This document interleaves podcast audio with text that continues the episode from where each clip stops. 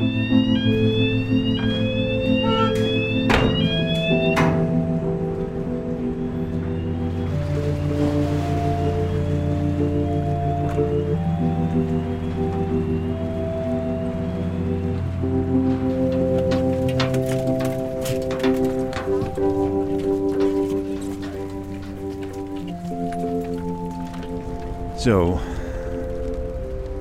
Mondkapje weer af.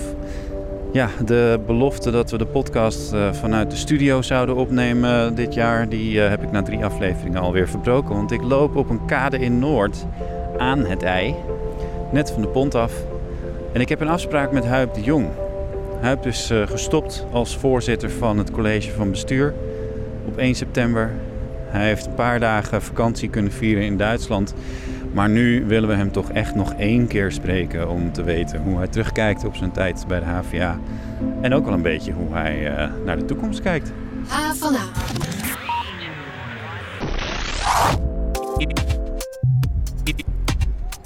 Normaal gesproken, als je zo'n groot afscheidsinterview met iemand doet, dan ga je als presentator ga je iemand aankondigen en dan zeg je een paar lovende dingen en dan noem je ook één kritische noot. En dan weten mensen een beetje waar het gesprek straks over zal gaan. Maar eigenlijk wilde ik dat aan jou vragen, Huip. Wie ben jij? Waar gaan we het over hebben? Nou, ik denk dat ik een uh, betrokken bestuurder ben. Ik, uh, ik, heb enorm veel plezier gehad in het werken bij de Hogeschool van Amsterdam. Er is heel veel gebeurd, onder andere in de samenwerking met uh, de UvA. maar in de ontwikkeling van de hogeschool is er ook gewoon ook intern heel veel tot stand gebracht. En daar heb ik op mijn manier geprobeerd een bijdrage aan te leveren. En wat is jouw manier? Nou, vooral ook beginnen met luisteren en, en spreken. Maar wel vanuit een heel duidelijk idee over wat een hogeschool zou moeten zijn. En een hogeschool is een gemeenschap van studenten, docenten. En die gemeenschappelijkheid, uh, die heb ik altijd wel geprobeerd te benadrukken. De onderlinge samenwerking, het gesprek, samen zoeken naar waar we, naar, waar we aan willen werken. Ja, en dat zijn dan de dingen waar je een positieve bijdrage aan hebt geleverd. Maar zo'n gesprek is natuurlijk geen goed gesprek als we het niet ook hebben over wat er beter had gekund, Huip. Um, noem eens even een kritische noot over jezelf. Nou, ik vind in de, in de ontwikkeling van de hogeschool met name ook de totstandkoming van associate degrees, om maar één punt te noemen. Dat zijn tweejarige HBO-opleidingen die sinds een aantal jaren ook uh, mogelijk zijn geworden. Dus het is uh, twee jaar en naast de bachelor. Maar die zijn ontzettend belangrijk om ook die toegankelijkheid van het hoger onderwijs verder te bevorderen. Ik vind dat uh, te langzaam op gang zijn gekomen. Op het ogenblik zie je dat er een enorme ontwikkeling is. Dus als ik aan jou vraag, want jij benadrukt heel vaak de emanciperende rol van het onderwijs. Als ik aan jou vraag, heb jij genoeg gedaan om die emancipatie te bevorderen? Want dat is het feitelijk, die associate degrees. Nou, ik heb uh, me volledig ingezet om dat tot stand te brengen. En zeker in deze periode, als je zo eens terugkijkt, er worden allerlei vragen gesteld over uh, wat er de afgelopen jaren is gebeurd. Uh, dan zie je natuurlijk ook wel de dingen die niet snel genoeg zijn gegaan. Je begint ook na te denken over je eigen rol binnen de hogeschool, of je dingen anders had kunnen doen. Dat is denk ik logisch voor deze fase.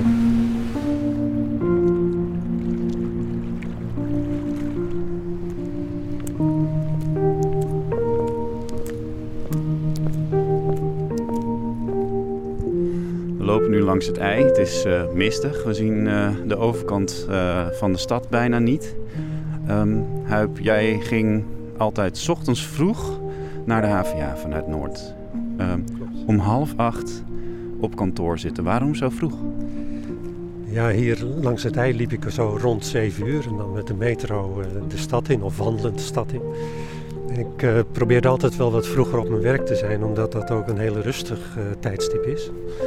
Uh, waarbij anderen nog niet in het gebouw zijn en dan kun je zo'n dag uh, goed voorbereiden. Dat vond ik gewoon prettig. Ja, kan ik me voorstellen. Ik heb dat ook wel een beetje. Dat je, je krijgt meer gedaan als er niet iedereen om je heen hangt om uh, allerlei vragen te stellen al. Zo is dat, ja. Maar die vragen en al die gesprekken, dat is natuurlijk wel een heel groot deel van je dag. En ik heb wel, uh, ik, ik fiets meestal iets later dan half acht uh, langs jouw kamer, de Wieboudstraat. En ook smiddags fietste ik daar vaak langs. Ik heb je nooit betrapt dat je lag te slapen met je wang zo op je iPad. Hoe, hoe uh, werd je nooit moe van al dat werk? Nou, dat werk over het algemeen heeft me gewoon heel veel energie gegeven. Er zijn natuurlijk bepaalde periodes geweest. Uh, dan denk ik aan uh, die hele discussie over de samenwerking met UvA. Uh, waarbij zo nu dan ook wel de gesprekken energie ontrokken. Dat je echt moe werd van ja, ook tempo waarin bepaalde besluiten konden worden genomen. Werd jij ook echt, kun je dan ook echt boos worden als je merkt dat zoiets niet lekker loopt? Waarom stel je deze vraag? nou, omdat ik, omdat ik dat interessant vind. Want ik ken jou als uh, iemand die heel wel overwogen zijn woorden uh, kiest. En uh, als ik het uh, heel onerbiedig mag citeren van uh, ingewijden, dan werd je zelfs bijna robotachtig genoemd soms in de verwoording van dingen die, waarvan heel veel mensen dachten van zeg nou eens wat je denkt, Huip. Ja. Ja, dat kan ik me heel goed voorstellen. Maar de, kijk, boos uiteraard werd ik ze nu en dan boos. Kijk, de grote vraag is altijd um, of boos worden ook helpt om dingen verder te brengen. En dat zat altijd wel in mijn hoofd. Uh, maar goed, je kunt boos worden op, je kunt boos worden op mensen en dat ook heel duidelijk maken. Maar je kunt ook natuurlijk van binnen koken. En dat is misschien meer wat ik vraag. Kookte je wel eens van binnen als je ziet, zag hoe langzaam dingen gaan? Ja, zonder meer, ja. En uh, daar uh, hebben mensen om mij heen, denk ik, niet zoveel last van gehad. En misschien ook niet gezien. Maar dat speelde regelmatig. Want nogmaals, ik, uh, ik had wel een duidelijk idee van wat er zou moeten gebeuren binnen de HVA. En ik, ik vind het ook belangrijk wat we binnen de hogeschool aan het doen zijn. En als je het in dingen belangrijk vindt, dan is dat ook een grondslag om ze nu dan heel erg boos te worden als dingen niet lukken. En daar hebben mensen dus niks van gemerkt, zeg jij? Nou, ze zullen best zo nu en dan, zeker degenen die mij beter kennen, uh, gezien hebben dat er uh, van binnen het een en ander gebeurde. En dan denk ik vooral aan mensen die achter de schermen met jou hebben samengewerkt. Ja, het is uh, iedere keer als het gaat over bestuurders, wordt net gedaan alsof het individuen zijn. Maar het zijn teams waarin je samenwerkt, heel intensief samenwerkt. De andere leden van het college van bestuur, de mensen van de staf. Ja, en dan maak je zoveel met elkaar mee dat de mensen je ook door en door kennen natuurlijk. Ja. Um, ik, ik, begreep jouw uh, opmerking, het wordt net gedaan alsof het individuen zijn, even iets anders. ik dacht dat je bedoelde dat je inderdaad vond dat het allemaal robots waren. uh, nee, zeker niet. Dat zijn echt echte mensen aan het werk. Goed, Huip, we gaan uh, de pont op. Ik doe even mijn mondkapje op. Het geluid klinkt meteen minder mooi. Ik zie dat je een HVA-mondkapje op hebt. Ja, en ik denk dat mijn stem ook heel erg gedempt klinkt. Maar het is een, uh, een heel fijn mondkapje. Met alles wat ik al geprobeerd heb. Zij het dat nu mijn bril enorm aan het beslaan is. Maar het uh, zit het beste van alle mondkapjes die ik geprobeerd heb. Kijk aan, trots op uh, dat HVA-mondkapje. Zo is dat. Wie heeft dat ontworpen eigenlijk? Is dat uh, door een student gemaakt? Ik heb geen idee. Plotseling lag dit mondkapje op mijn bureau in mijn werkkamer. Nou, daar staan we dan op de pont. Is het te overdreven als ik hier met dit water een soort scheiding tussen privé en werk voor jou trek? Nee, niet echt. Uh, kijk, ook het leven van een bestuurder als die thuis is gaat vaak over het werk. Ook in de voorbereiding op een, een komende dag. dus wat dat betreft is die waterscheiding er hier niet geweest. We hebben een periode bij de HVA, maar dat heb ik eigenlijk nooit in mijn leven gehad dit appartementje hier in Noord is een, een soort uh, pied à terre, moet ik het zo zien. Uh, want eigenlijk woon je in Twente. Ja, in, in de gemeente Hengelo. Ja. En heb je daar wel helemaal, kun je daar wel helemaal de HVA loslaten? Ja, het is wel, ik vond die verdeling wel fijn, omdat juist het verblijf in het oosten van, de, van het land, ook de fysieke afstand, wel hielp om ook van het werk afstand te nemen in het weekend was het toch anders dan door de week. Maar toch zag ik heel vaak nog tweets van je voorbij komen... die ook dan toch weer een heel klein beetje met je werk op de HVA te maken hadden. Jazeker. Uh, het weekend, uh, ook bij het lezen van de kranten, kwam ik regelmatig hele mooie prestaties van de hogeschool uh, tegen. onderzoek, bijdragen, interviews en dergelijke. Dus daar heb ik altijd wel een beetje trots via Twitter of andere social media tot uiting gebracht. Ja. Trots is een van de termen waar ik het met je over wil hebben. Ik, heb, ik had bedacht, je moet een beetje een opbouw bedenken. Er zijn drie heilige huisjes van Huip de Jong. Dat is trots, dat zijn de 3D's waar we het straks over gaan hebben: digitalisering, de, uh, duurzaamheid en diversiteit. En Creating Tomorrow Together, wat je nog als laatste term gebruikte in je afscheidsvideo die in de HVA-nieuwsbrief stond. Um, maar om eventjes te beginnen met trots. Waarom wordt die term eigenlijk zoveel gebruikt op de hogeschool? Ja, voor mij is het uh, een, een, authentiek gevoel dat we met hele mooie dingen bezig zijn als hogeschool. En een van de eerste kennismakingsgesprekken van mij, dat was bij Boot. Uh, ons instituutje in de stad, in de verschillende wijken waar ook uh, onderwijs en onderzoek plaatsvindt. En ik werd er rondgereden en kon ook zien zowel in de kantoren als in uh, wat er in die wijken gebeurde, hoe zichtbaar de HVA was en hoe de bijdrage werd geleverd aan de ontwikkeling van die stad. En dat heeft mij van begin af aan verrast, maar ook wel echt met trots vervuld. En ik, daar kwam nog bij dat ik zelf vond dat de mensen van de HVA, zeker op dat moment, uh, te weinig die trots voelden. En misschien ook te weinig zagen hoe belangrijk ze waren voor die stad.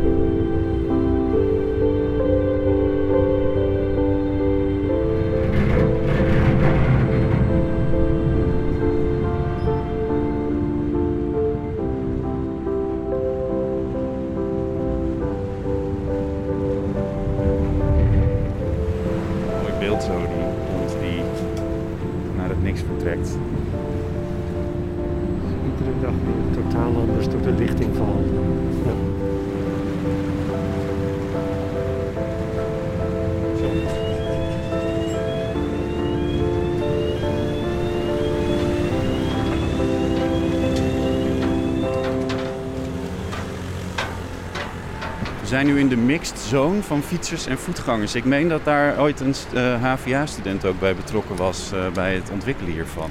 Ja, klopt. Uh, de mensen ook van logistiek, de faculteit techniek, die hebben hierover meegedacht.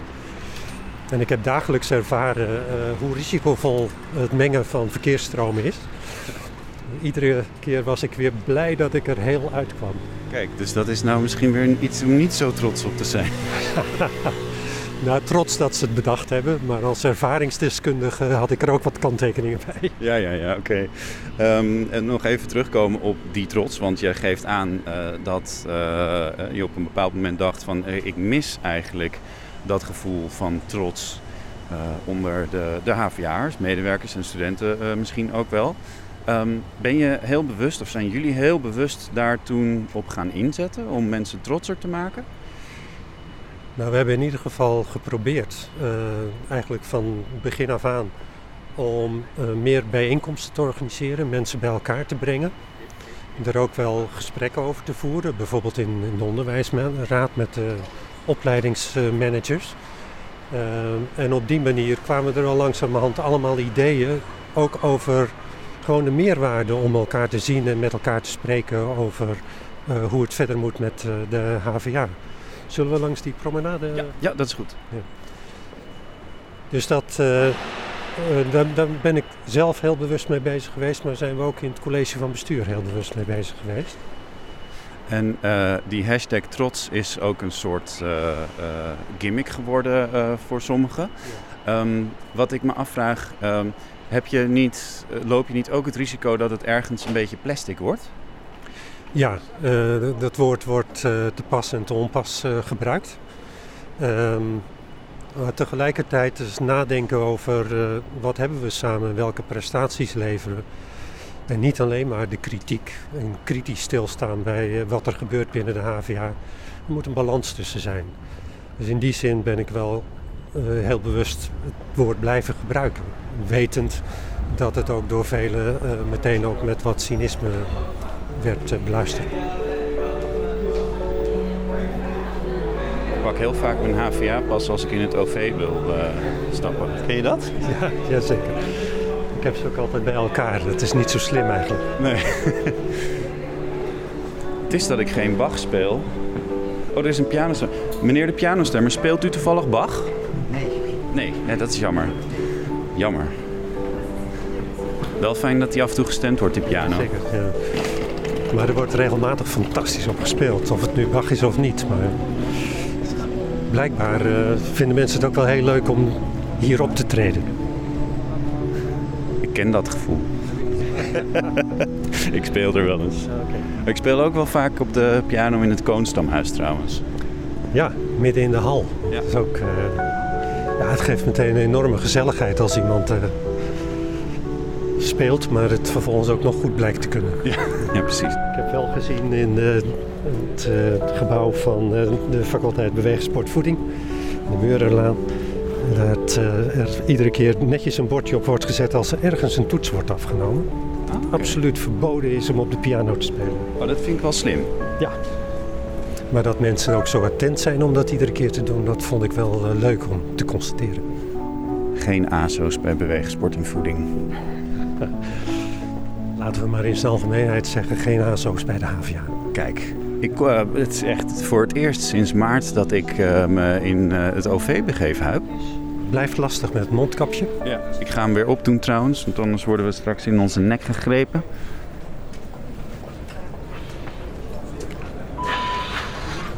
Nee, ik ben toch wel heel blij dat ik alles uh, op de fiets in Amsterdam uh, kan doen uh, met mijn werk. Maar heel veel studenten die zijn natuurlijk gebonden aan dat OV. En dat is ook wel echt een probleem gebleken nu met het geven van onderwijs. Hè? Ja. Nou, de hele discussie over de, de anderhalve meter en het onderwijs heb ik in de afgelopen maanden als enorm frustrerend ervaren. Ook ziend hoe ontzettend hard docenten bezig waren. Maar hoe moeilijk het dan ook is om je, je lopende onderwijs helemaal om te zetten naar een nieuwe vorm. Dus dat vraagt heel veel energie en noodzakelijk ook zijn er uh, mislukkingen. En ook uh, voor de studenten, die betrokkenheid bij het onderwijs is heel moeilijk overeind te houden in deze situatie. Ja. Ben jij zo iemand die nu gaat rennen voor de metro als hij bijna gaat? Nee, mijn levensfilosofie is vooral de STOA. En dat is alle feiten maar accepteren zoals ze zijn. Ah, kijk aan, kijk aan. We gaan nu de metro in. We hadden ook niet hoeven rennen. Ja, laten we hier maar gaan staan. Een uh, onderwerp dat veel ter sprake is geweest uh, uh, is diversiteit en inclusie. Dat is een van de dingen waar je misschien gedeeld trots en niet trots op kunt zijn. Want er zijn in de tijd dat jij rector en later voorzitter was veel clubs, noem ik ze even onerbiedig, uh, opgericht die zich daarmee bezighouden. Die praten daarover, die zorgen dat mensen zich welkom voelen. Maar tegelijkertijd um, heerst er bij sommigen ook het idee, er was zelfs een open brief, dat die uh, praatgroepjes een soort middel waren om het uh, maar een beetje weg te houden bij het bestuur. Ja, nou, het tegendeel was het geval. het bestuur heeft een aantal van die clubjes, maar met name het platform Inclusie, ook heel bewust opgericht om kritisch tegengeluid te krijgen op uh, de stappen die we zetten. En het platform inclusie is ook heel belangrijk geweest om in ieder geval mij te helpen om uh, beter greep te krijgen op de vragen die zich voordeden. Doet de HVA nu genoeg om die diversiteit en inclusie te bevorderen? Uh, ja, niet als politieke item. Uh, maar er uh, wordt heel nadrukkelijk gezocht naar die verschillende thema's in de curricula. Uh, maar dat is dan ook primair aan de opleidingen om daar verder vorm aan te geven. Ik denk dat de zichtbaarheid van verschillende groepen binnen de hogeschool is vergroot. Waardoor het ook in bredere zin, dus even los van de opleidingen, een gespreksthema is geworden. En dat geldt eigenlijk voor in ieder geval de twee D's, de duurzaamheid en de diversiteit. Uh, die digitalisering, ja, nu met uh, corona is het het thema. Ik wou zeggen, dat is, uh, de digitalisering is geslaagd, hè? Ja, zeker. Alles is digitaal. Nou, even zonder gekheid hoor, want de coronacrisis, daar kunnen we niet omheen natuurlijk. Maar digitalisering ging niet alleen maar over dat mensen digitaal les zouden krijgen. Nee, nee, het ging om het feit, dat heb ik ook een, op een gegeven moment bij een jaaropening gezegd. Er is geen opleiding van de HVA die niet geraakt wordt door de digitalisering van onze samenleving. Geraakt wordt klinkt als iets negatiefs. Nou, dat hoeft het niet te zijn. Uh, je wordt geconfronteerd met een buitenwereld die bijna revolutionair aan het veranderen is. En de vervolgvraag is, hoe wil je daarop reageren? Ik heb een, een uh, toelichting uh, bij de open dag bijgewoond van de opleidingen Finance binnen economie. Om maar een terrein te noemen waar het ongelooflijk speelt, de digitalisering. En waarbij het dus niet alleen de vraag was uh, hoe om te gaan met de digitalisering zelf, maar ook wezensvragen van privacy, ethiek en dergelijke die plotseling op de agenda. Maar, maar, dan toch even de vraag aan jou, en die stel ik je dan misschien niet als bestuurder, maar als, als uh, docent. Ben jij wel de juiste persoon om die studenten, die natuurlijk altijd zes stappen voorlopen, uh, te gaan uitleggen wat die digitalisering dan betekent. Nee, daar ben ik helemaal niet de juiste persoon voor. Zeker niet als bestuurder. Uh, want de reden waarom we ook niet een soort uh, blauwdruk hebben gepubliceerd van en nu gaan we allemaal digitaliseren in het curriculum. Dat is dat iedere opleiding vanuit zijn eigen optiek en vanuit zijn eigen opstelling dat moet gaan oppakken. En dan is natuurlijk de hypothese iedere keer dat docenten en studenten gezamenlijk daarover in gesprek gaan. Uh, en terwijl wij langs het uh, oude kantoor van jou lopen, Huip, en we zien uh, jouw twee oud-collega's hier zitten, Hanneke Reuling en Klein Meijer, vraag ik je nog even naar die laatste D, want dat is de duurzaamheid. vorig jaar in september sprak jij duidelijk uit dat de HVA zich niet meer neutraal opstelt in het debat over duurzaamheid. En zelfs dat er binnen het jaar heel duidelijke doelstellingen zouden komen hoe de HVA zichzelf wil verduurzamen.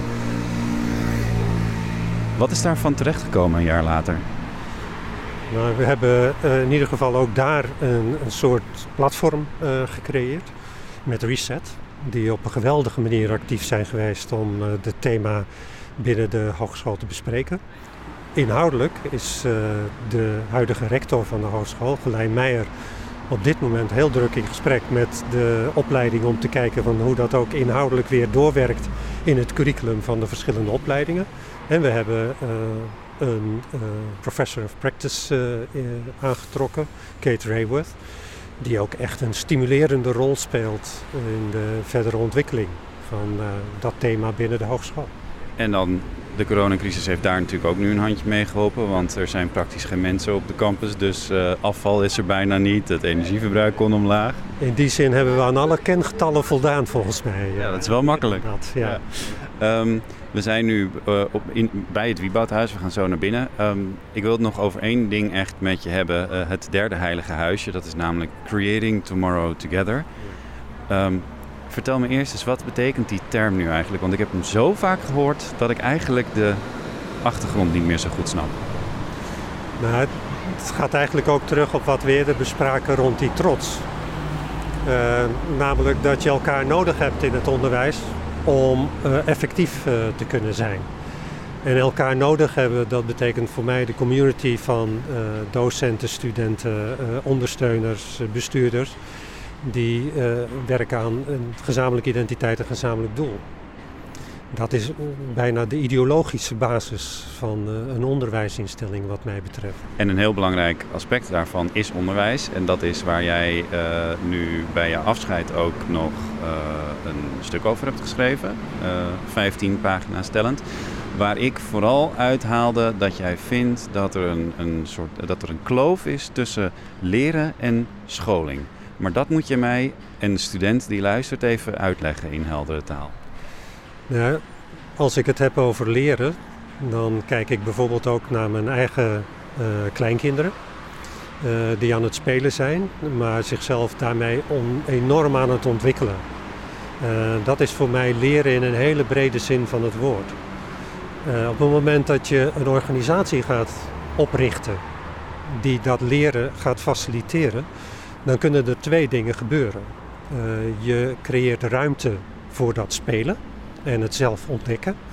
Uh, en de keerzijde daarvan is dat je als het ware de verantwoordelijkheid voor het leren overneemt van in dit geval de studenten. En dan krijg je studenten die zeggen: Ik kom hier voor mijn diploma. Een soort paternalisme, maternalisme in het uh, onderwijs, waarbij wat de studenten zelf wilden te weinig voor het voetlicht komt. En dat helpt het leren niet. En wat is dan het resultaat daarvan? Nou, als je uh, heel sterk die verantwoordelijkheid wegneemt van de studenten, wordt het consumentisme. Uh, dan is het leren voor uh, tentamen en voor het diploma. maar zonder dat daar de drijf achter zit, dat je jezelf probeert te ontdekken.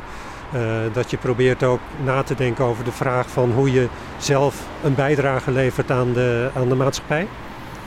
Dat soort zaken wordt dan onderbelicht. Dan is het puur leren voor de test. Ja, ik kom hier dus om mijn diploma te halen. En uh, jij, de leraar, uh, moet uh, mij waar voor mijn geld geven. Ja, en dan krijg je hele discussies over de terugbetaling van het collegegeld op het moment dat het niet zo loopt als je aanvankelijk gedacht hebt. Refereer je nu aan de petitie van Rogier van der Heijden? Onder andere, maar er is een veelheid van personen en organisaties die dat ook aan de orde hebben gesteld. Ja, we gaan naar binnen uit. Oh, we moeten deze nemen, ja. Max één persoon. Ik uh, kom achter je aan.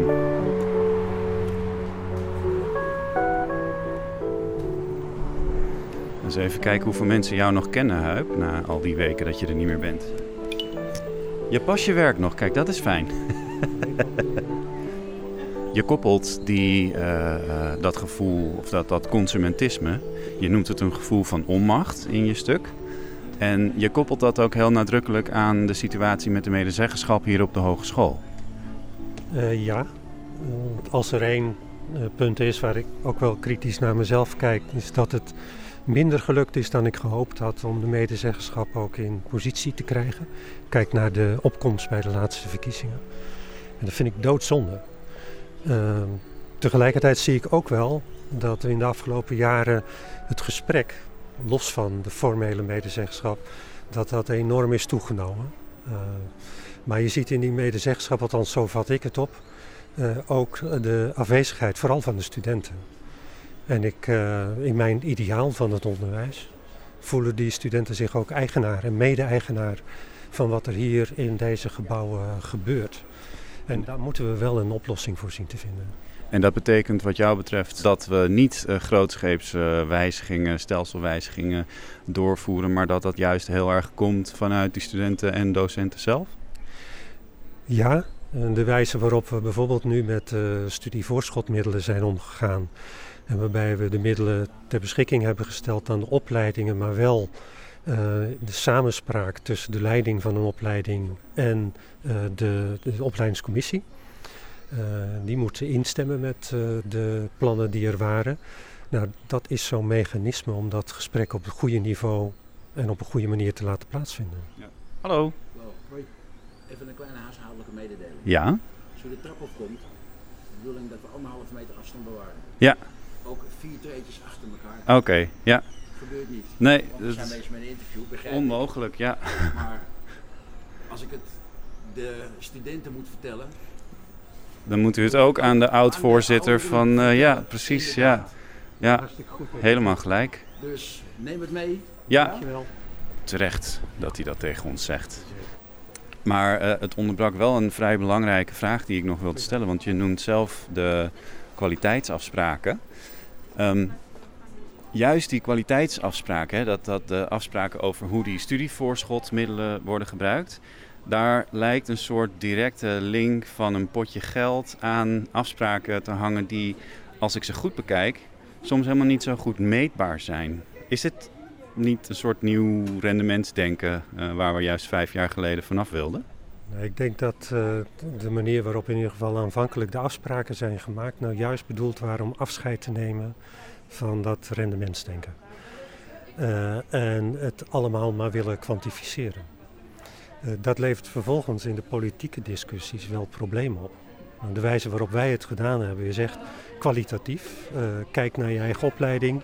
Uh, zoek uit welke maatregelen in de komende periode nodig zijn. En bepaal dat met elkaar om die kwaliteit uh, te verbeteren. En we verbinden dat niet aan en dus x procent hoger studiesucces of zo. Het gaat echt ook om dat beeld van kwaliteit wat de mensen in de opleiding zelf hebben. Maar dat is dus iets waar jullie echt uh, clashen met uh, Den Haag. Ook misschien vanuit jouw rol uh, destijds als vicevoorzitter van de Vereniging Hogescholen. Dat er dus vanuit Den Haag wel een soort dat, dat één op één we moeten kunnen meten dat dit kwaliteitsverhogend is. Terwijl jullie dus zeggen dat kan helemaal niet. Nou, in ieder geval kan niet alles uh, gemeten worden. Er zijn best een aantal indicatoren, hè, van wel of niet geaccrediteerd. Of, uh, en ook, trouwens ook het studiesucces, om het verloop van, uh, van de studieloopbaan van de studenten te bekijken. Dat, dat kun je allemaal wel meten. maar er is zoveel meer. ook in termen van de ontwikkeling van de studenten, de vrijheid die ze wel willen, bijvoorbeeld om de eigen onderneming te starten. Nou, dat soort vormen van leren zou je ook mee moeten nemen. En dat kun je niet zonder meer in cijfers vertalen. We moeten geloof ik, uh, eens even kijken. Ja, we moeten gaan afronden. We zijn ook al bijna bij je oude bestuurskamer. Huip, ik wil je eigenlijk nog, uh, er wordt driftig gezwaaid hier. Ik wil je eigenlijk nog uh, één ding vragen. Hoe, want je bent zeven jaar actief geweest op de hogeschool, ruim zeven jaar. Hoe ben jij als bestuurder in die tijd veranderd? Ik denk dat ik uh, in het, het, voeren van het gesprek en ook meer afstand nemen van datgene wat de buitenwereld aan kwantitatieve dingen uh, van ons verlangt, uh, dat ik daarin gegroeid ben. En daarmee uh, denk ik ook in het ehm, aan de voorkant iedere keer vertrouwen willen geven aan de professionals. Door de wijze waarop ze met hun vak bezig zijn. Huip, we zijn bij je kantoor. Dan wil ik nu toch eens horen, want uh, geen dag zonder Bach uh, staat er in je Twitter bio. Ja. Hoe, hoe begin jij de dag nou? Want op mijn iPad heb ik uh, de muziek staan. Dus als ik s morgens mijn kamer binnenkom, dan ga ik ook meteen naar Music van iTunes.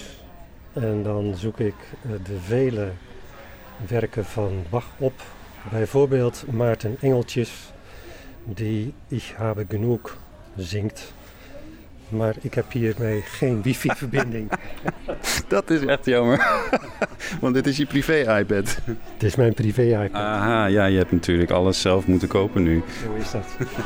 Hé, wat jammer. En hij zit nog niet op EduRoam. Nou, oké. Okay, mag ik je nog één laatste vraag stellen? Zeker. Weet je al wie je gaat opvolgen? Nee, daar heb ik geen idee van. Is er iemand anders hier? Ik ben nu zo dicht bij de andere bestuurders. Is er iemand anders hier die het weet? Of kan weten? Uh, misschien zou dat uh, kunnen. Maar ik denk niet dat iemand antwoord geeft op die vraag. Dankjewel, Huip. Jij bedankt.